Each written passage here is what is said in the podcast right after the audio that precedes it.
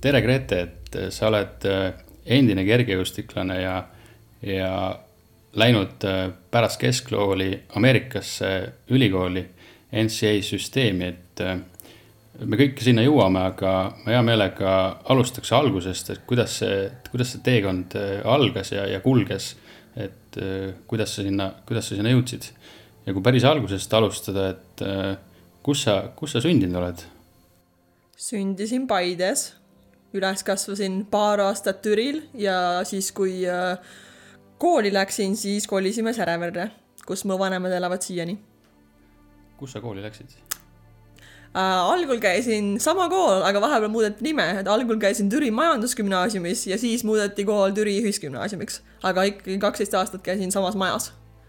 sul on äh, kaks õde, üks õde on vanem, teine on noorem. aga kui sa meenutad äh, mingit sellist esimest seost äh, Äh,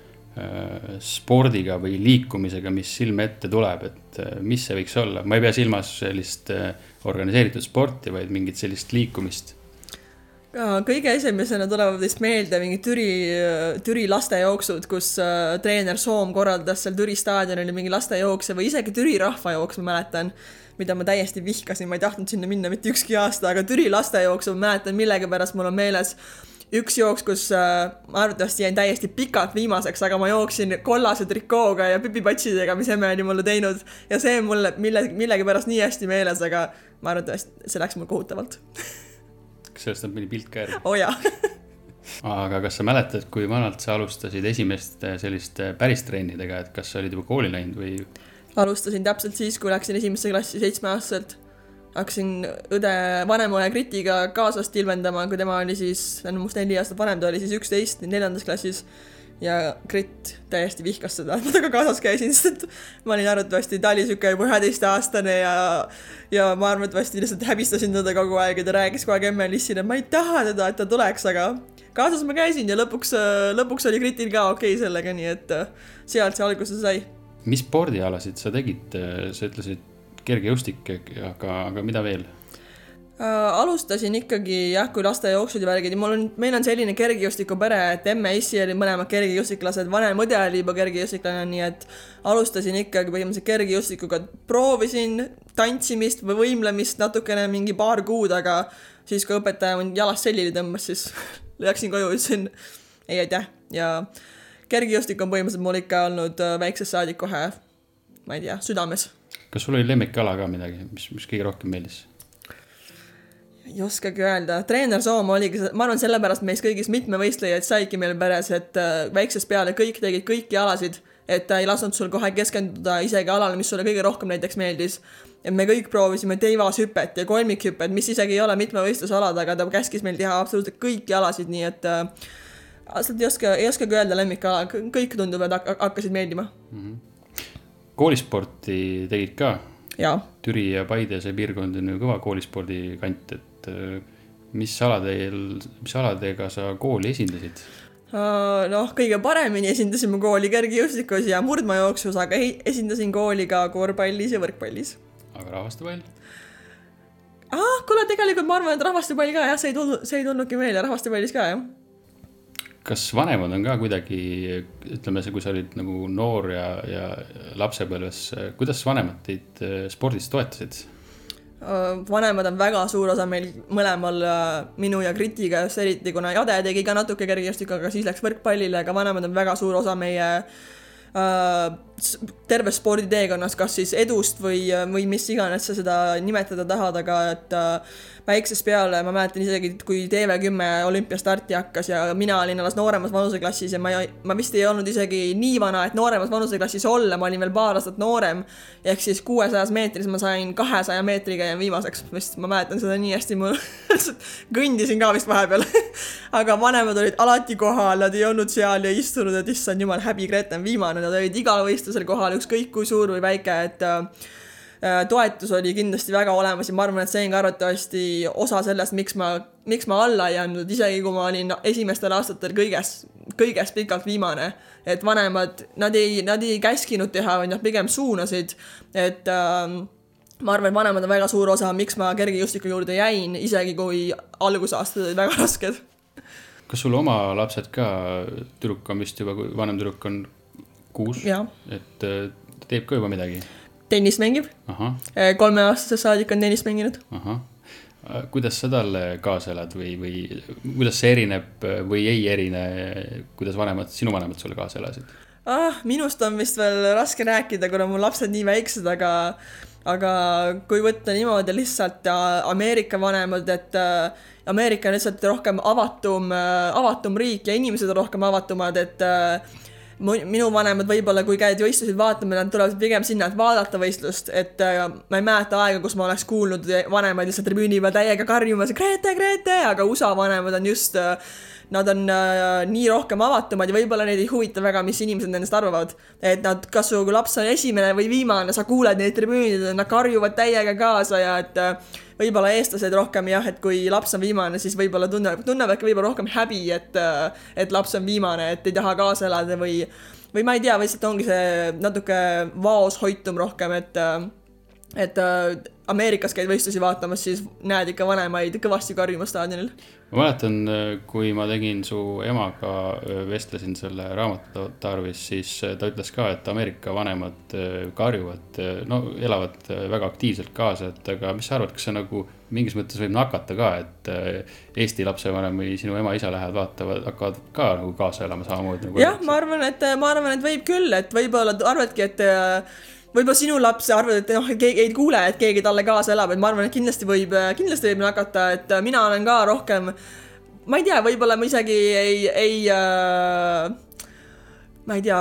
sobinud Eesti ühiskonda niimoodi, et ma olin väiksest peale juba rohkem avatud ja väiksena mu hüüdnimi oli Päike, sest et ma olin kogu aeg õnnelik ja kogu aeg naersin ja et äh, et eestlane rohkem tuntud selline kui vaiksemana ja et võib-olla mulle sellepärast see Ameerika ühiskond ka sobis, et ma arvan, et kui ma hakkan oma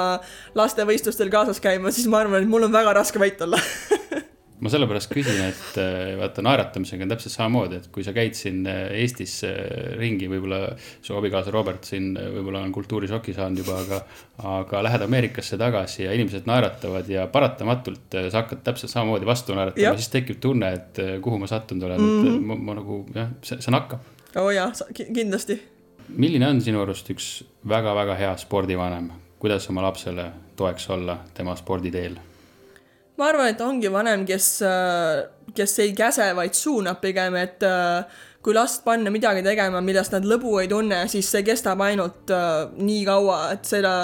kui ma arvan, et kui minu vanemad oleksid käskinud mul minna kergejõustikutrenni ja ma tegelikult ei oleks sellest lõbu tundnud või treener näiteks, ma ei tea, seitsme-kaheksa aastane oleks pannud mu lõike jooksma selle asemel, et pallimängusid mängida, ma arvan, et mul oleks kaheteist-kolmeteistaastaselt kergejõustikus kopp ees olnud. et peab saama, laps peab saama minu arust äh, nautida seda, mis ta teeb ja peabki olema lõbus ja mitte, mitte see, et ta ei taha sinna trenni minna, sest et äh, kas liiga varakult pannakse, pannakse ootused peale või liiga varakult vanemad tahavad seda rohkem, kui laps ise tahab, et minu arust lapsevanem ongi selline hea, kes kes äh, esiteks ei taha olla ise treener ja laseb treeneril olla treener ja kes on kodu, sinu koju tulles, kas sa tuled trennis koju või koolis koju, kes ongi seal olla su, olla su vanem ja sinu toeta, toetab sind kõiges, mis sa tahad teha, isegi kas sul läheb see hästi, kas sul läheb halvasti, kas sul tulevad vigastused, et äh, tema toetus ei kõigu üles-alla selle, selle pärast, kas sul läheb hästi või sul läheb halvasti see kõik on väga õige ja tark jutt, aga kust sa ise selle kõik selle informatsiooni oled hankinud, kas elu jooksul on talletunud või? jah, ma arvan, et ka, ma arvan, et see on tulnud mõlemast, et mis sa, mis ma olen saanud ja mis ma ei ole saanud, et et kas mõtled tagasi spordikarjäärile ja mõtled, et mida oleks tahtnud rohkem, mida oleks tahtnud vähem, et ma arvan, et jah, see on ja milline vanem tahad ise olla muidugi ka, et mõtled, kuidas, kuidas ma saan oma last kõige paremini toetada, isegi kui nad on alles kuue ja kolmeaastased, et et ma ei taha, et mu kuueaastane läheks tennisetrenni ja nüüd tunneks, et ta peab olema Serena Williams trennis. ta on kuueaastane, las ta läheb, teeb lõbuga, kui, kui lõbu ei tunne, võime täna koju minna, proovime järgmine päev uuesti, et et ma ei taha, et ta tunneks, et ta lihtsalt peab sinna minema isegi vastu tahtmist ja niimoodi, et et kui tal, kui tal ei ole kuueaastaselt lõbus oled sa Ameerikas näinud kasvõi oma tütre, võib-olla ta veel ei võistle, aga, aga ütleme sportmänge vaadates, kuidas lapsevanemad on natukene käest ära läinud? oo oh jaa, ma mäletan Eesti aegades ka seda, aga olen kindlasti Ameerikas ka mõlemat poolt näinud ja et äh, lapsevanemad, kes äh, kes ei,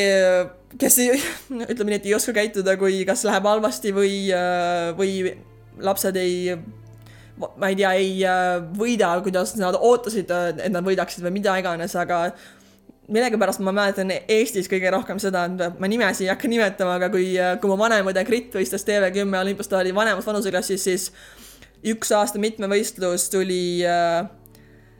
kuuesaja meet-, ma arvan, jooksid kuutesadat selle lõpus, mitte kaheksasadat, kuuesaja meetri jooks. ja Grit pidi selle kuuesaja meetri jooksu võitma, et võistlus võita. aga teine tüdruk, kes kaotas, siis tema isa pärast seda võistlust, no ütleme, et kui pilguks saad, pilgud saaksid lapse tappa, siis seda oli, mul oli tüdrukust ausalt öeldes, mina olin ise veel nooremas vanuseklassis, ma olin mingi kümneaastane, aga millegipärast ma mäletan seda nii hästi, et mul oli sellest tüdrukust ausalt öeldes nii kahju, et ta pidi koju minema selle isa juurde. sest see isa ei ole, ei hakka, ei läinud koju, et talle toeks olla ja öelda, et kuule, pole hullu, proovime järgmine aasta uuesti, et sa andsid endast kõik ta isa läks koju, et ta peale karjuda arvatavasti ja öeldagi talle, et ta pole piisavalt hea või arvat-, võib-olla läks koju ja pidi lõike jooksma või mida iganes, et äh, see on mul millegipärast nii hästi meeles, kuigi ma olin nii väike sa oled täna kolmekümne aastane, et aga kui sa, kui sa peaksid endale nõu andma kui kuueaastasele, et mis sa annaksid? ma arvan, et pea, peamine ongi see, et asjast lõbu tunda. et nii väiksena alustad ja minul põhimõtteliselt enne, kui ma emaks sain, oligi identiteet oli kergejõustiklane, sportlane, et raske ongi leida seda, et kes sa oled peale, pärast seda, kui sa sportlane pole, et võib-olla kui sporditee sporditee lõpeb ilma emaks saamiseta, ma arvan, et sealt on väga raske leida, kes sa oled ilma sportlaseta, et ma arvangi, et mida rohkem sa sellest lõbu tunned, seda kergem kogu see teekond on, et äh, ma arvan jah, et kuueaastasena, et ära, ära pane endale peale mingeid ootusi ja ära lase ka teistele inimestele peale panna omale mingeid ootusi, ükskõik, kas su isa on Usain Bolt või, või Serena Williams on su ema, et äh, et lastele pannakse väiksest peale ootused juba peale sellepärast, kes nende vanemad on. ja ma arvan, et see minu arvates ei ole õige, et lapsed peavad ka lõbu tundma asjast äh, ja ainult nii, ma arvan, et äh, nad jätkavad seda teekonda pikalt. sul on elu jooksul olnud kindlasti rohkem kui üks treener, et äh, kui sa peaks meenutama kedagi, kes on sind võib-olla kõige rohkem mõjutanud, kes see on ja miks mm,? Leonhard Soom, sada protsenti temaga ma alustasin kergejõustikuteed, tema oli mul vanem õe treener, mu ema isa treener ehk siis ta on jah, niisugune legend seal Türil, Türi kandis, et äh, äh, tema on kindlasti mu kõige suurem mõjutaja olnud, sest ma olin temaga seitsmeaastasest saadik kuni, kui ma läksin ülikooli kuni üheksateistaastaseni ja ma arvan, et kõige suuremad äh, saavutused on ka tulnud äh, temaga koos. aga on temalt ka mõni konkreetne mingisugune mm, kas näpunäide või elufilosoofia, mis äh, oled temalt saanud näiteks? Soomit on väga palju elufilosoofiat saadud, ta on väga huvitav mees, aga millegipärast mul on ka see meelde jäänud, kui ta ütles, et äh, väiksena rääkis meile, et kui sa teed midagi, tee täiega. ja, ja me ütlesime ka, et okei okay,, noh, et kui keegi siis joob, kas ta peab täiega jooma? ja siis ta ütles jah, kui joo, siis joo täiega. kui tuled võistlema, võistle täiega, tuled trenni, tuled tre-, tre-, trenni täiega. kui armastad, armasta täiega, mitte midagi ei ole vaja teha poolikult, kui, kui sa poolikult teed, miks sa seda teed ja millegipärast on see mulle nii hästi meelde jäänud, et äh, samas me mõtlesime ka, et miks ma peaksin siis, kui ma joon, miks ma peaksin täiega jooma, aga aga kõik teised näited läksid sellega nii hästi kokku ja millegipärast on mul see nii hästi meelde jäänud, et midagi ei ole vaja teha äh, poolikult, kui midagi teed, teed täiega või ei tee üldse. sul on küll vanemad äh, spordiga seotud, äh, õed spordiga seotud, aga, aga mingit äh, hetke on sul elus olnud, kus sa mõtled, et pagan, ma ei viitsi enam, aitab küll uh,? Kindlasti olnud, aga on olnud selliseid hetki, aga kas äh, see on ka olnud selline õige mõte või mõte, mida ma tegelikult arvasin ka, et mul järgmine hommik on ka see mõte, ei. Äh, et äh, kindlasti on mul mõte, et mina sinna trenni täna ei lähe või treener on loll või mida iganes ja mina ei taha seda teha. aga järgmine hommik, sa lähed ikkagi trenni kohale, kõik on, kõik on tavaline, et et otsest sellist loobumismõtet ei ole kordagi olnud senikaua, kui, kui sporti tegin, et et kindlasti oli mõtted, et kas trenni teha täna minna või et mitmevõistlejana mõtled, miks ma seda teen, ma võiksin valida samamoodi ühe ala, miks ma teen seitset ala või mida iganes, aga, aga järgmine päev lähed ikka trenni kohale ja, ja sa, ja kui lähed võistlustele ja saad edu, siis on ikka, ei anna alla spordis juhtub, ütleme karjääris lapsena, noorena, täiskasvanuna juhtub igasuguseid äh, kummalisi asju vahepeal, et kas sul on vahest mõni olukord ka olnud, kus sa tunned ennast, tundsid ennast nagu väga ebamugavalt või, või lausa piinlikkust tekitas, on sul mõni lugu? otse, otseselt piinlikkust ma ei tea, aga ma arvan, et mu kõige sellisem ega ebamugavam või jubedam kogemus kergejõustikust on samas ka mu kõige parem kogemus kergejõustikust, et see oli kaks tuhat kümme juunioride maailmameistrivõistlused Kanadas. see oli mu elu üks parimaid mitmevõistlusi, mis ma kokku panin ja ma olin tegelikult seitsmeaastane, võistlesin kaheksateist, üheksateist aastastena, kuna ma täitsin normatiivi ära, siis mind lasti võistlema. aga ma tegin kolmesaja punktiga isikliku rekordi mitmevõistluses, mis sellel ajal noh, ükskõik, kes teeb kolmesaja punktiga, see on väga suur rekord ja aga samas ma kaotasin selle võistluse ühe punktiga, ma kaotasin kolmanda koha ühe punktiga ja sain neljanda koha. Ja mõtled, nagu see tundub suht võimatuna, sest et sa teed seitse ala ja sa kaotad kolmanda koha ühe punktiga. nagu see tundub kaugushüppes, ma ei tea, kann, ma ei kand natukenegi ettepoole või, või tõketes rind natukene lõpus ettepoole, aga see kõik tuligi selle, et ma ei saanud võistlusest isegi lõpus enam, ma ei tundnud enda üle isegi uhkust lõpus. muidu, kui teed kolmesaja punktiga isikliku rekordi, on nii, et oh my god, jee. ja ma lõpetasin selle finišijoone ja nägin, et ma kaotasin ühe punktiga ainus, mida ma teha oskasin, oli lahinal lihtsalt nutta, sest et ja see jääb mulle elu lõpuni meelde, sest ma tegin kokku tegelikult nii ilusa võistluse ja nii hea võistluse. aga kaotasin ühe punktiga ja isegi ei saanud sellest rõõmu tunda, et jah, see on jah, kõige selline eba, ebameeldivam äh, mälestus, aga samas ka nii ilus mälestus. see kogemus jääb kindlasti pärast ka kummitama ja analüüsid kogu aeg, kus, kus oleks ja, sada protsenti, jah. Mhm. aga vastupidi, ütleme siis kõige, kõige südantsoojendavam kogemus või, või positiivne mälestus kus võib-olla ei luttud lahinal mitte rõõmu või mitte, mitte õnnetusest, vaid just õnnest. sa, ausalt öeldes eh, kõige südantsoojendav mälestus tuleb samad võistlused ja see on seotud treener Leonhard Soomiga, sest et äh, treener Soom oli alati väga karm treener väiksest peale, ei olnud seal mingeid komplimente, isegi kui ma ei tea, tegid Eesti rekordi või võistlesid, võistsid Eesti meistrivõistlused temalt väga häid sõnu kergelt välja ei tulnud, ta oli alati karm ja alati, et noh, me läheme trenni tagasi ja, ja mida iganes, aga sellel võistlusel, kui teine päev algas, siis ma hüppasin kaugushüppes isikliku rekordi. siis tuli odav ise, viskasin odas ka isikliku rekordi ja siis Soom vist sai aru, et siin on, meil on medali võimalus. ja ma, kui ma viskasin odas isikliku rekordi, siis ta oli nii õnnelik, et ta kukkus tribüünilt alla ja ta tõmbas oma kanna ja tallaaluse kõik lahti ja tribüün, kus ta oli, oli kõik verd täis. aga ta ei saanud isegi ära minna, sest ta pidi mind edasi õpetama ja mulle kaasa elama. siis ta vigastas oma jalga ja siis ma läksin kaheksasadat jooksma. ma pidin kaheksasajas äh, äh, ära tegema tüdrukule, kelle isiklik rekord minust oli umbes kümme sekundit parem ja ma läksin temaga kaasa ja jooksin kaheksa sekundiga isikliku rekordi. ilmselgelt ma finišijoone peal kaotasin talle, sest ta oli parem jooksja kui mina ja ma kaotasin võistluse ja, pronkmedali ühe punktiga. ja ausalt öeldes, kui me läksime auringile, siis ma ei teadnud, mida treenerilt oodata, ma ei teadnud, kas ta on kuri mu peale või kas ta hakkab karjuma mu peale, sest ma kaotasin pronksmedali, aga aga tegelikult ju kokku tegin väga hea võistluse ja, ja kui ma jõudsin auringilt tema juurde ja nägin, et ta ootas mind ja läksin tema juurde, ta tegi, ta kallistas mind ja ütles mulle, Grete, sa oled imeline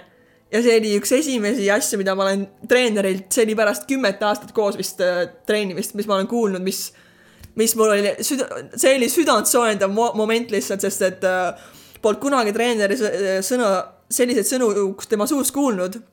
ja ma ei teadnud, mida oodata ja see, et ta minu peale ei karjunud ja minu peale kuri ei olnud, vaid ütles mulle, et ma olen imeline, sest sellise võistluse, mis me kokku tegin, et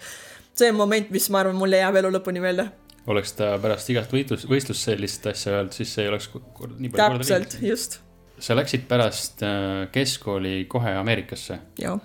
räägi seda lugu, et äh, kuidas üldse algab ühe keskkoolis, gümnaasiumis õppiva noore sporditüdruku, ütleme selline värbamisprotsess ja, ja, ja, ja mõtted üldse sinna Ameerika poole, et kas see hakkab nagu võistlustel tullakse ligi või keegi näeb ja hakkab neid äh, mõtteid pähe panema või treener või kuidas, kuidas sul käis see uh,? jah, see algusprotsess on tegelikult suhteliselt ulme, et uh, seesama võistlus, millest ma rääkisin kaks tuhat kümme Kanadas, et äh, ma sain seal juba paar pakkumist ja rääkisin paari treeneriga, aga mul ei olnud absoluutselt mitte mingit plaani minna Ameerikasse ja ma olin ka piis-, liiga noor, sest et ma võistlesin seal võistlusel kaks aastat nooremana. sul ei olnud alguses sellist unistust, et oi, ma pean Ameerikasse jõudma mm? -mm, üldse mitte ja keegi meie peres polnud näinud ka, nii et äh, ma olin täiesti, polnud absoluutselt mitte mingit plaani, et ma tean, õde Grit sai ka paar pakkumist, aga tema ei läinud ja mul ei olnud ka plaani minna ja siis kaks tuhat kaksteist, kui ma olin ju juunioride vanuseklassis sama võistlusel ja ma olin, nüüd ma olin juba siis üheksateistaastane, siis äh, samamoodi treenerid äh,, nad tulevadki USA-st, lendavad kohale, käivadki vaatamas sportlasi, mis, kes neile silma jääb, mida iganes, võib-olla pakuvad koha peal, võib-olla kirjutavad pärast emailiga, et äh, ma sain osad pakkumised koha peal, pärast sain osad pakkumised emailis, aga see algabki sellega jah, et treenerid lendavad kohale, nad käivadki suurvõistlusi vaatamas, pakuvad sulle scholarship'i koha peal äh,. Sorry, ma segan korra kuidas see praktikas käib, ta koputab sulle õlale, kuule, Grete, kas jah. saad tule, tule räägime natuke täpselt täpselt nii ongi. et äh, see treener, kellega ma rääkisin, kelle juurde ma lõpuks läksin Florida State ülikooli, et temaga algaski niimoodi, et äh, tere, mina olen äh, see, see, see ja tahaksin, et sa tuleksid minu ülikooli ja mitmevõistlust tegema. ja, ja siis äh, ma ütlesin talle ka, et ma ei, mul ei ole mingit soovi ju tegelikult Ameerikasse minna ja kuna ta oli, rääkis mu nii ära ja ta ütleski, et aga sul on hooaeg läbi, et tule kasvõi külastusele, et nad lennutavadki su tasuta külastusele paariks päevaks ja ma ütlesin ka, et okei okay,, et miks mitte, et äh, mul on hooaeg läbi. Florida, pole kunagi Ameerikas käinud, neli päeva tasuta, miks mitte. Läksin siis külastusele, ilmselgelt mul oli elu parim aeg seal külastusel Floridas palmide all kuskil päikse, päikse käes, et äh, Disneylandi ei jõudnud. Disneylandi ei jõudnud jah. Äh,, aga tulingi tagasi ja siis äh, rääkisingi tegelikult tõsiselt vanematega, et mulle väga meeldis ja et äh, mulle tegelikult meeldiks minna ka, ma arvan, et äh, ma kunagi ei olnud ka selline, et äh, kes äh, kes ise hakkama ei saaks või et kes peaks kodule väga lähedal olema, et ma olin alati selline väga iseseisev või võib-olla natuke teistsuguse iseloomuga vanemast õest, et äh, et äh, aga siis see protsess, mis pärast seda algab, kui, mis pärast seda algab, kui sa otsustad minna, siis see on ulme, et ma ei tea, kuidas see võib-olla nüüd kümme aastat hiljem on teistsugune, aga siis oli selline paberimajandus, et ju, et Eesti oli selleks ajaks juba digi, digitaalne riik, kõik saad digiallkirjaga internetis kõik, aga USA-st ju nad saatsid pakkide viisi mulle pabereid Eestisse, mida oli vaja allkirjastada ja neile tagasi Ameerikasse saata pakiga ja kõik äh, tunnistused esimesest kuni kaheteistkümnenda klassini pidin laskma inglise keelde tõlkida, kõik äh, vak-, vaktsiinid pidin laskma inglise keelde tõlkida ja ja viisa ja tegelikult ma käisin ju, ma käisin oma külastusel juuli keskel ja kool juba hakkas augusti keskel, nii et mul oli mingi kolm nädalat aega, et kõik asjad saada, kõik asjad saada tehtud ja võib-olla see, mul oligi see protsess käis mul nii kiirelt ja, ja nii kiirustades, sest keegi polnud varem läinud ka minu, minu perest USA-sse ja ei osanud kellegagi rääkida ka, et et see tegelikult see protsess enne seda, kui sa kohale jõuad, on ulme, ulme paberimajandus ja aga kui kohale jõuad, siis on kõik juba okei okay,, kool hakkab pihta, trennid hakkavad pihta ja ilmselgelt väike kultuurishokk on seal, aga aga see alguse protsess, mis Eesti ja USA vahel käib, kui sa ei ela USA-s, siis see oli küll väga ulme. Aga sul oli valikuid laual veel mitmeid, ja mul oli umbes viisteist kuni kakskümmend valikut. kuidas sa neid selekteerisid siis omavahel? ausalt öeldes võib-olla tagasi vaadates oleks pidanud natuke rohkem, natuke rohkem mõtlema või aga kuna ma räägin, kuna see oligi nii, nii kiirustatud minul, nii kiirustatud äh, valik minule, et äh, et võib-olla tagasi mõeldes võib-olla oleks pidanud rohkem vaatama ka, mis selle kooli mitmevõistluse rekordid on ja nähagi, et kas see kool on hea mitmevõistluse kool, sest et äh, Uh, ma saingi umbes uh,, ma valisingi kooli, millega ma sain kõige parema suhte treeneriga ja kes ja ka ainus, ainus kool, kus ma külastusel käisin, kuna mul ei olnud aega minna kümne erineva kooli külastusele. ehk siis tagantjärgi sa ütled, et sa tegid liiga kiiresti selle otsuse. tagantjärgi ma arvan, et ma tegin liiga kiiresti jah, sest ma arvan, et mu potentsiaal sportlasena ülikoolis jäi realiseerimata. Sest et äh, kui ma, kui mina läksin ülikooli, siis ülikooli rekord mitmevõistlusel oli, oli ainult viis tuhat kolmsada punkti. nüüd on rekord minu käes, aga ma arvan, et ma oleks pidanud seda rohkem vaatama, et kas, kes on mitmevõistluse treener ja mis mitmevõistluse rekord on, et näha, kas neil on mitmevõistluse hea programm, et nagu Georgia ülikoolis, kus kõik need Eesti mitmevõistlejad poisid on, neil on super mitmevõistluse treener ja tagantjärgi mõeldes ma sain ka tegelikult Georgialt pakkumise. Aga ei, ei, ei, ei läinud Georgiasse ja ma arvan, et tagasi, tagantjärele oleks mõelnud, et oleks pidanud tegelikult Georgiasse minema. aga teistele Eesti noortele ja nende vanematele soovitad siis äh, hool-, hoolikamalt valida, Just. jah, ma, NCAA selline, mis sa koged seal, sa saadki seda ainult tegelikult seal kogeda, et tegelikult sa saad tasuta hariduse, kui sa saad täisstipendiumi, sa saad tasuta hariduse ja see elu, mis sa seal koged, selle Ameerika jalgpalli ja kaheksakümmend tuhat fänni mängudel, et see on ainus kogemus, mis sa saadki seal, et ma soovitan sada protsenti, elukogemus oli ulme. aga see, et valida õige kool, kuhu minna, siis ma arvan, et kuu ajaga seda otsust ei saa teha, et äh, mina enda pealt soorit-, soovitaksin ja et äh, seda protsessi tuleb võtma, võtta pikemalt ja tehagi rohkem äh,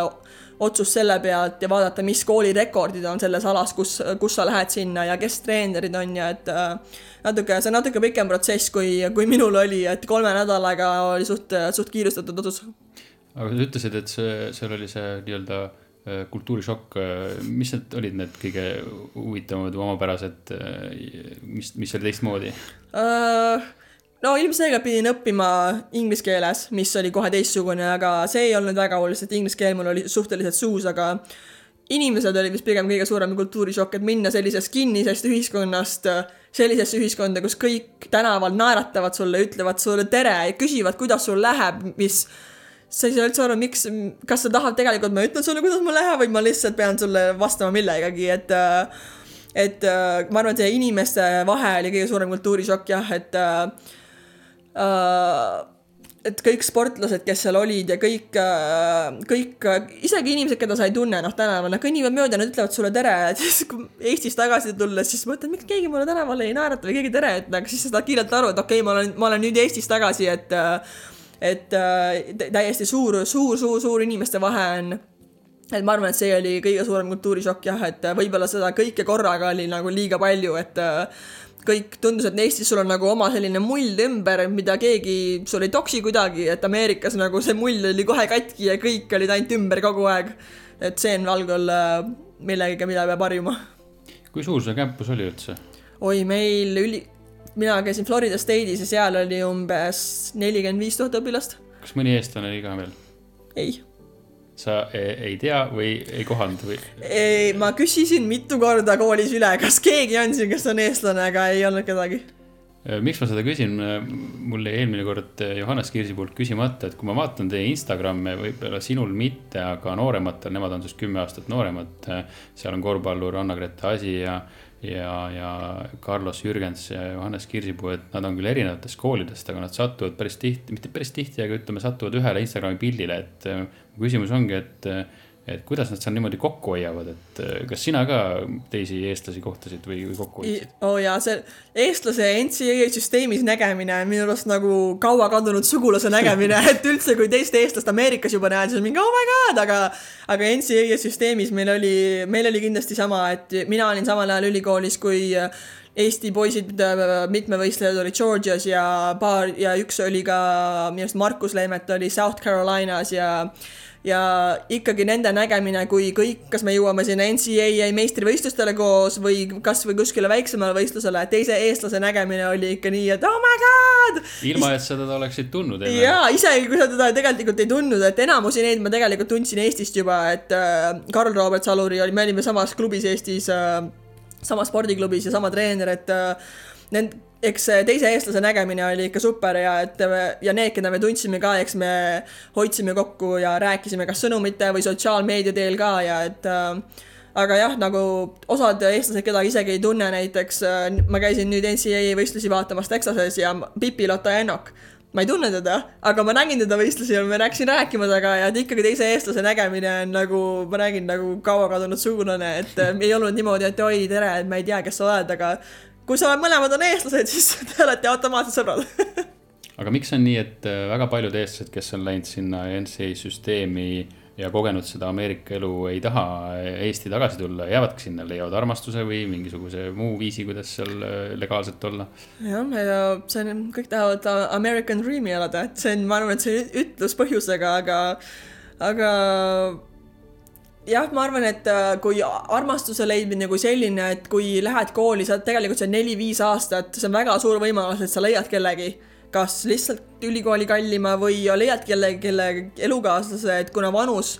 pärast keskkooli tegelikult, keskkoolis võib-olla käid paari poisi, paari tüdrukuga, aga pärast ülikoolis on ikkagi vanus juba seal, kus võib-olla hakkadki kellegiga koos elama või mida iganes, et äh, et äh, paljud leiavadki ülikoolis armastuse ja jäävad sellepärast sinna või äh,, või äh, ma arvan, et Ameerika ühiskond ongi selline, kas see sobib sulle täiesti või see ei, ei sobi sulle kohe üldse. et äh, mina, nagu ma ütlesin, olengi, olingi rohkem sihuke avatud inimene ja mulle sobis see Ameerika ühiskond ja aga samas ma arvan ikkagi, kui ma poleks ülikooli ajal armastust Ameerikast leidnud, ma oleksin ikkagi koju tagasi tulnud. Sest siis peab ikkagi mingi plaan olema, kuidas sa Ameerikasse jääd, miks sa sinna jääd ja mina, mina jäin ikkagi Ameerikasse sellepärast, et leidsin, leidsin elukaaslase. et alguses enne Ameerikasse minekut äh, või või aastaid enne seda sul ei olnud mingit plaani, et sa lähed Ameerikasse ja kui sa Ameerikas, ütleme, mõned aastad olid olnud, siis sa teadsid veel, et sa lähed Eesti tagasi. jah Ja- ja..., mul, mul äh, ülikooli aastatel oli, oli ka peigmees, kes mängis mul sama koolis äh, korvpalli, aga kui ma temaga lahku läksin, siis ma umbes teadsin küll, et mul pole mitte mingit põhjust siia jääda, ma arvatavasti lähen ikkagi koju tagasi ja enne viimast ülikooli aastat ma tegelikult kolisin põhimõtteliselt kõik oma asjad juba koju tagasi. ja siis viimasel ülikooli aastal kohtusin praeguse abikaasa Robertiga ja ilmselgelt siis oli otsus, et ma jään Ameerikasse aga hoiad sa sidet, ütleme koolis väljaspool kuidagi teiste eestlastega mingit kontakti mingis muus valdkonnas või, või grupis? Uh, me, me nüüd just kolisime Orlandost Texasesse, Houstonisse, aga meil Orlandos oli tegelikult suht suur tüdrukute grupp, kes on kõik tulnud Eesti erinevatest otsadest kokku ja kõik elavad Orlandos, et uh, ma tegelikult kohtusin nendega ka täiesti, Roberti jaoks oli see mingi õudusjutt, sest et ma, nad kirjutasid mulle Instagramis ja kui me Orlandosse kolisime, nad ütlesid, oh, me oleme ka Orlandos ja meil on suht suur tüdrukute grupp siin, et iga aasta Eesti sünnipäeval saame kokku ja pidutseme koos ja ja siis äh, üks nendest tüdrukutest, kelle nimi on Sigrid, ta kirjutas mulle, et me võiks kokku saada ja et äkki tuled kohvile meie minu juurde, aga ma, me polnud sõbrad ega midagi, noh, täiesti võõras inimene. ja siis ma ütlesin Robertile, et kuule, et ma lähen äh, selle tüdrukuga kokku saama ja Robert oligi nii, et ta on, ta on võõras inimene, et äkki ta, ma ei tea, äkki mingi serial killer või mis iganes on ju, ja ma ütlesin ka, ei ole, ta on eestlane, teine eestlane, et see ongi nagu see, et see, et ta eestlane on, see tähendab seda, me saame kokku, me oleme sõbrad ja kõik ongi nii, et Robert siiamaani räägib sellest, et ta läks, läks täiesti võõrale inimesele koju, aga see, et ta oli eestlane, siis see oli nii, et ah, kõik suva, ükskõik. See tekitab turvatunde. täpselt. Ja ongi selline, otsidki alati minu arust Ameerikas otsidki natuke midagi, mis annab kodutunnet natuke rohkem, et, et äh, ja viiskümmend protsenti praegu nendest tüdrukutest, kelle, kellega me seal sõ- sõprusgrupis seal aretasime, on tegelikult Eestis praegu ka, et oleme nendega siin ka kokku saanud, et äh, see ongi, et maailm on nii väike, et üks päev näed neid Orlandos, Floridas ja teine päev näed neid siin äh, Rakkes, Eestis. sa oled Ameerikas olnud äh, kümme pluss aastat. üks Eesti jah. Kuidas sa kodustega suhtled? saan aru, et te käite siin kord aastas, vanemad äh, õed äh, käivad Ameerikas, aga igapäevaselt vahepeal ju ka suhtlete. jah, enamus, enamus aja suhtleme kas sõnumite või siis Facetime'i teel, et äh, kui, kui lapsed veel koolis ei olnud, siis üritasime käia Eestis kaks korda aastas, et suvel ja ka korra talvel, sest lastele meeldis lumi ja kõik, aga nüüd, kui lapsed on koolis, siis enam kaks korda aastas ei saa käia, et me käime siis äh, suvel siin ja ja ema-isa tavaliselt käivad äh, jõuludel talve ajal siis meie juures seal, et äh, Robertil on sellel ajal nii palju tööd, et me jõulude ajal siia ei saa tulla, aga see aasta on eriti hästi läinud, et see praegu, see on juulikuu, seitsmes kuu, me oleme emme-issiga juba üksteist kuus korda näinud. et äh, osad aastad, mis on, mis on kõige hullemad, siis näeme kaks korda, aga osad asjad, mis, osad aastad, kus läheb hästi, siis, siis see aasta oleme juba kuus korda näinud, et emme mul kooliõpetaja, et kui tal vaheaega on, siis ta üritab ikka tulla ja et meil on uus beebi ka, et äh, see tegelikult väga hea olnud, et emme issi pole milleski nii-öelda maha jäänud ja midagi mitte näinud, et praegu kuue, meil kuuekuune hakkas Eestis roomama, et mul on ka sihuke tunne, et sotsiaalmeediast jälgis, et ema Davy on kogu aeg seal. jah, et kui sa mõtled, kui kaugel Ameerika on, siis meie pere on teinud selle väga selliseks kiireks, kiireks tiiruks, et lähen käin korra lapsi vaatamas ja tulen tagasi. Aga Texas on ju nüüd omakorda vist kaks tundi ajavahe otsa veel või? tund aega ajavahe otsa, aga kui ennem oli umbes seitse tundi, siis täna on kaheksa jah tundi. Mhm. ja nüüd siis umbes kaks tundi lennuaega ka veel otsa on sul Ameerikas midagi, millest sa ka puudust tunned äh, Eestiga seoses, midagi sellist, mis äh, kuidagi üle ei lähe? noh, ilmselgelt välja, välja arvatud pere igatsemine, et äh, ma arvan, et lihtsalt selle elu lihtsus ja turvalisus, et äh, lastele mul nii meeldib Eestis ja ma arvan, et kui nende anda valik, kus elada, kas Ameerikas või Eestis, nad valiksid Eesti kohe. et ma ei tea, neil äh, Nad on praegu Ameerikas äh,, võib-olla lähevad paariks tunniks päeval õue, Eestis nad on õues kaheksast hommikul õhtul kaheksani ja muidugi vanaema on neid poputanud ja õues on kõik liumäed ja kiigud ja liivakastid ja batuudid ja kõik on ta sinna taha aeda pannud, aga lastele millegipärast väga meeldiv Eestis ja, ja ma arvan, et see jah, et äh, Eestis, kui sa lased lapse üksinda tagaaeda mängima, siis sa võid teda aknast vaadata ja sul pole mitte mingit muret ka tema pärast, et Ameerikas ma ei tea, ma ei suudaks sellest mõeldagi, et ma lapse üksi õue mängima jätaksin, et äh, et see turvalisus on ikkagi Eestis äh, nii, nii teistsugune ja midagi, mis, mida ma Ameerika puhul kogu aeg igatsen ja seegi isegi, et kui sa saadad lapse kooli hommikul, sa tead, paari tunni pärast tuleb sealt kodusest koolist elusana tagasi, et Ameerikas need kooli tulistamised ja kõik on lihtsalt nii ulmelisel äh, tasemel praegu, et isegi mõelnud paar korda, et lapsi lihtsalt kodu, koduõppele panna, sest et äh, no lihtsalt, lihtsalt ei tea, sest et kõi- äh, tulist-, ma ei, neid tulist-, tulistamisi, mis ma isegi ei tea, mis see number juba see aasta on, sest et aga seda ei kujuta lihtsalt ette ja kui sa saad hommikul lapse kooli ja peadki mõtlema, et ma ei tea, kas see on viimane kord seda, kui ma neid näen või ei ole, et äh, turvalisus on kindlasti suur asi, mida ma Eesti puhul äh,, Eesti puhul igatsen. Te käite Robert ja terve perega Eestis kord aastas. Äh, kas sa mäletad, kui Robert esimest korda siia tuli, mis tema jaoks oli see kõige suurem šokk siin? söök toit, kas ei maitsenud või? maitses, aga arvatavasti ausalt öeldes äh, Robert räägib ka seda juttu siiamaani, et esimest korda, kui Eestisse tuli, ta kaotas kahe nädalaga viis kilo et ta ütleski, et kui me söögi, söögi, söögikordade vahepeal midagi snäkime, siis see on kas äh, maasikad või vaarikad või herned või äh, ma ei tea, porgand või midagi sellist, et Ameerikas, ma ei tea, lähed ostad kommi või mida iganes, aga et et söök oli talle suht šokk, aga, aga talle ka väga meeldis, ta ütleski, et kõik on puhas ja kõik ongi nagu äh, Ameerikast väga ei leia, isegi kui on öeldud, et see on puhas toodang ja mida iganes, see arvatavasti ei ole ikkagi Eesti puhas toodang, et ta, et äh, aga talle Eesti söök väga meeldis ja, ja aga ma arvan ja, et äh, söögi koha pealt oli kõige suurem šokk, sest ta võttis esimest korda nii palju kaalust alla, kui Eestisse tuli. millega sa täna igapäevaselt äh, tegeled Ameerikas? Peale, peale laste kasvatamise mul on oma väike ärifirma Glow Fitness, kus, mis ma alustasin ka pandeemia ajal, sest et äh, ma sain just siis teise lapse.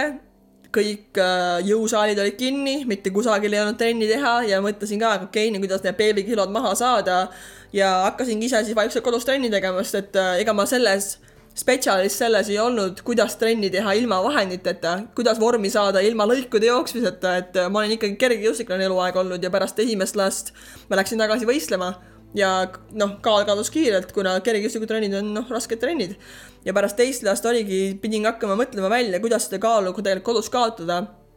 ja mõtlesin, mul on nii palju teadmisi kergejõustikust ja kõigest elu jooksul kogenud, et miks mitte üritada ka teisi inimesi aidata, kes praegu pandeemia ajal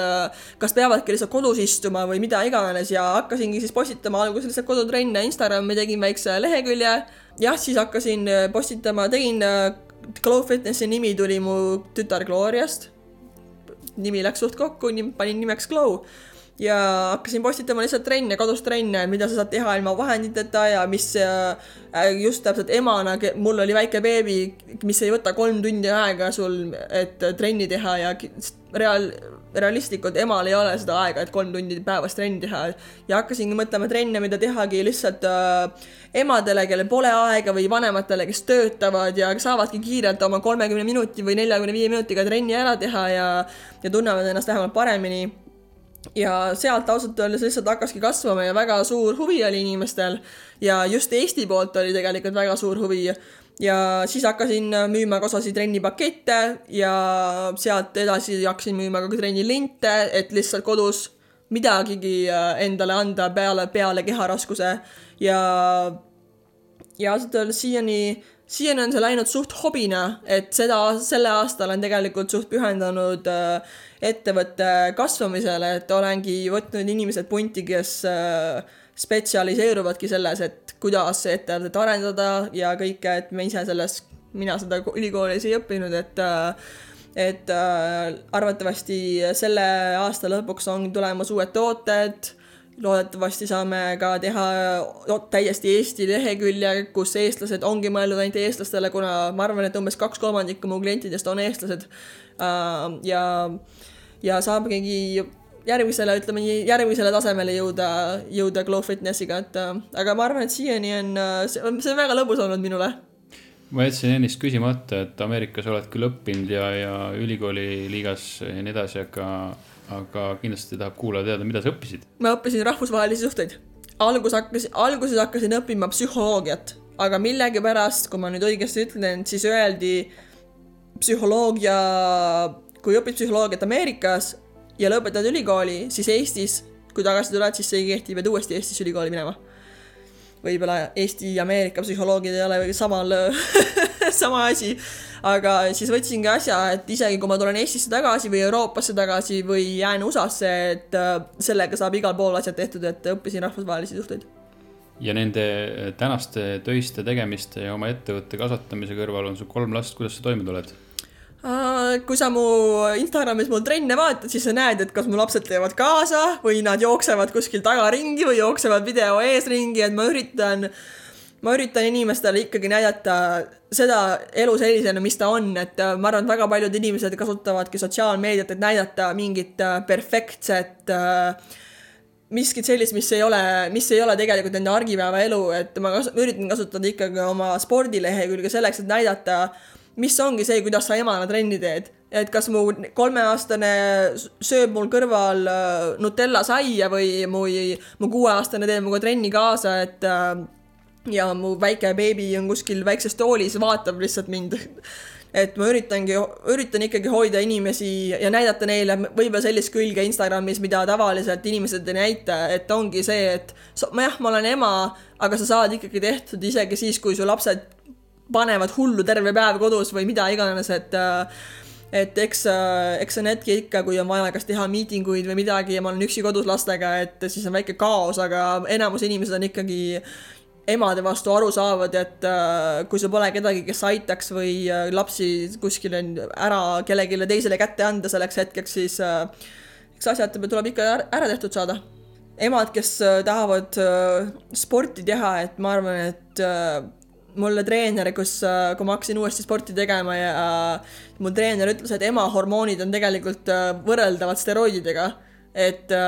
kõige parem aeg tagasi vormi saada või spordiga tegelema hakata ongi siis, kui sa emaks saad. et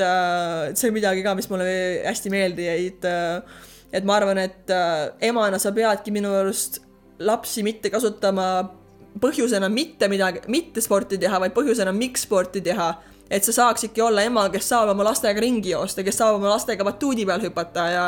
ja, ja pigem ollagi aktiivne oma laste jaoks, sest et lapsed ju ikkagi vaatavad, isad enamjaolt on äh, rohkem aktiivsed kui emad, ma arvan, siis käivad, kas nad käivad tööl või mis iganes, et ema, kes on lastega kodus, kui sina ei ole aktiivne ja su lapsed seda näevad, siis on väga raske ka öelda lapsele, et mine ole aktiivne. et lapsed ikkagi vaatavad rohkem ema, esi-, eriti tütred, ma arvan vaatavad rohkem ema, kui ema on aktiivne, on lapsed ka aktiivsed ja et äh, äh, ise üles kasvades ma räägin, mu vanemad, mu ema mängis korvpalli ja jooksis ja kõike, mis ta isegi viskas kolmekümne viie aastaselt odavel kuskil ja et äh, kõike, mis me nägime, oligi kogu aeg see, et vanemad olid aktiivsed ja et ma arvan, et äh, sa ei saagi öelda lapsele jah, et ole aktiivne, kui sa ise ei ole aktiivne, et äh, minu soovitus võib-olla ongi emadel just äh, saada kõige paremasse vormi ja kasutada lapsi pigem motivatsioonina, mitte põhjusena, miks mitte vormi saada, et äh, sul on enda, sa teed enda elu, elu kergemaks ja saad lastele minu arust olla parem ema. sul on Instagramis äh, üle kuuekümne nelja tuhande või ligi kuuskümmend neli tuhat järgi, et äh, sa pead ju kuidagi nendega kommunikeeruma ja suhtlema, et kas sa jõuad kõigele reageerida, mida sulle, mis päringuid sul tehakse või? Äh, kõigele ei jõua, aga ma üritan ikka, ma üritan oma lehekülge ka ikka kohelda sellena, kui ma tavalise inimesena, ehk siis kui äh, ma üritan suhelda nii palju inimestega, kui ma saan ja, ja kui äh, eestlastega just eriti, ma üritan ikkagi kodule sellist lähedust hoida, et mitte täitsa Ameerika suunda minna, et äh, mul ikkagi Eesti, Eestisse tõmbab tegelikult nii hullult, et äh, sellepärast ma üritangi oma ettevõtte ka Eestisse saada, et mul on ikkagi Eesti äh,, Eesti on ikka südames täiega, et äh, et äh, ma üritan ikkagi inimestega Instagramis suhelda nii palju, kui ma saan, kas äh, ilmselgelt mitte nendega, kes äh, üritab, ma üritan vastata ainult positiivsele, et mitte nendele, kes negatiivsega mulle kirjutavad või mida iganes. tuleb seda ka? muidugi, igapäevaselt. oo oh, jaa, kas on see, kas tuleb valgetelt inimestelt, miks ma abiellusin musta mehega või kas tuleb mustadelt inimestelt, miks ma, miks minu must mees abiellus valge inimesega või mis iganes, et. kas neil on igav või? jah, täpselt et äh, sellele ma üritan mitte vastata, et ausalt öeldes ühest kõrvast sisse, teisest välja, selleks tänaseks juba, et äh, üritan positiivsusele ikkagi vastata ja et äh, sest et äh, inim-, kui inimene, mina arvan, eestlane just eriti, võtab oma päevast äh, tükikese välja, et mulle midagi positiivset kirjutada kes tegelikult mind ei tunnegi, täiesti võõras inimene, siis ma üritan ikkagi vastata ja et äh, ma olen ikkagi tänulik inimestele, kes mind toetavad. sul on, see enamus postitused on sul inglise keeles, aga sa ütlesid, et sul on kaks kolmandikku on eestlased, kas neid kuidagi segab ka see? ausalt öeldes ei sega, ma arvan, et äh, tänane tänased eestlased juba, kes ma arvan, sellises vanusegrupis, kes mind enam jälgivad, räägivad juba inglise keelt nii hästi, et äh, võib-olla selle Glow Fitnessi lehe peal osad asjad, mis jäävad arusaamatuks, nad küsivad üle eesti keeles ja mis mul ei ole absoluutselt probleemi eesti keeles ka seletada ja selle, see on ka põhjus, ma arvan, miks ma tahan teha täiesti eestikeelse lehe ja Eesti lehe, et äh, et Eesti kliendid tunneksid ennast rohkem kodusema ja mugavamana, et lugedagi eesti keeles ja saab küsida küsimusi eesti keeles, et äh, et ja seal on palju eestlasi ka, kes mulle kirjutavad tegelikult inglise keeles ja ma vastangi neile tegelikult eesti keeles, et ma räägin eesti keelt ka, et et ei ole vaja minuga üritada inglise keeles rääkida, aga ma saan aru kindlasti, kui terve leht on inglise keeles, siis miks nad kirjutavad inglise keeles, aga aga keegi pole veel otseselt äh, öelnud mulle, et kuule, räägi, räägi rohkem eesti keelt ka. jälgid sa ise mõne eestlase sotsiaalmeediakontosid? jaa, jälgin, et paar, paar sportlasi, paari sportlast jälgin, aga jälgin ka Keter-Jaanit jälgin, mulle väga meeldib, mis ta postitab, tundub väga positiivne inimene, et mulle draamaga ma ennast ei seostu, et mulle miski, ma ei tea, Eestis loed äh, draamat või mida iganes, sellega ma ennast ei seostu ja seda ma ei jälgi, aga kõik, mis on äh, positiivne ja millest sa arvad, et sa saad midagi endale juurde, et Keter-Jaani äh, postitused mulle väga meeldis, ta tundubki lihtsalt soe inimene, kes jagab positiivsust ja ta on ka ema ja, ja, ja teine, keda ma jälgin, on äh, Agne Vaher, et temal, mulle meeldib lihtsalt ta kir-, panebki ilu ja stiili ja sellist asja, mille sa tundud, sa saad midagi juurde. mitte seda, et jälgi lihtsalt seda, et näha, mis draama nende elus toimub või mida iganes, mis nad postitavad, et see mulle väga meeltmööda ei ole sa oled mul podcast'is teine külaline. kui ma peaksin äh, kutsuma äh, kolmanda külalise, võib-olla mul on kolmas küll tegelikult paika pandud, aga, aga aga kes, kes võiks sinu arvates äh, siia tulla, keda ma võiksin kutsuda? kes oleks sarnane selles mõttes, et spordilembene ja, ja, ja, ja tunneks huvi, ütleme, laste spordi vastu ähm,? ma arvan, ma pakuks kahte, kahte kandidaat, kandidaati, ma pakuks võib-olla Anett Kontaveiti, kes just lõpetas spordi tegemise vigastuse tõttu mulle endale meeldiks väga kuulda, kuidas tegelikult ta sporditee alguse sai ja, ja kuidas tema vanemad mängisid rolli. Äh, ja teine, ma arvan, kes, ma arvan, sulle väga meeldiks, oleks võib-olla Rasmus Mägi. et äh, tema on keegi, kelle vanemad on tegelikult tema treenerid. et äh, võib-olla see on täiesti teistsugune, täiesti teistsugune jutt, et kus äh, kus ei oskagi võib-olla vahet teha vanema ja treeneri vahel enam, et äh, kui tuled koju, siis su treener on ikkagi sul kodus ka, et ma arvan, et see oleks ka, on väga hea jutt, mida kuulata. Anett Kontaveit äh, tuleb, seda ma sulle luban oh, ja selle ma annan sulle teada, millal ta tuleb, aga kindlasti ta ei tule veel lähiajal praegu okay. ja Rasmus Mägi kohta äh, on väga, see on väga hea pakkumine ja kindlasti võtan sellest kinni, sest Rasmus Mägi on minule jätnud väga sümpaatse mulje alati kõik see eneseväljendusoskus eesti keeles, ma olen talt alati tahtnud küsida. kuigi tegelikult ükskord oligi vist jooksuajakirjas oli selline eh, postitus, et mida sa küsiksid Rasmuselt. Eh, ja ma küsisingi, et kust sa selle tohutu kauni eesti keele võtad, mida sa loed et väga head pakkumised, kindlasti võtan kinni. kui sa nüüd siit stuudiost lahkud, siis kuhu sa sõidad, kuhu liigud? tagasi Sereverre et see nädalavahetus tegelikult läheme Tallinnasse Eesti meistrivõistlusi kergejõustikus vaatama. Aga praegu lähen tagasi koju Säreverre. kuule, aga super, aitäh sulle, Grete. ja aitäh. soovin sulle edu sinna Ameerikasse. aitäh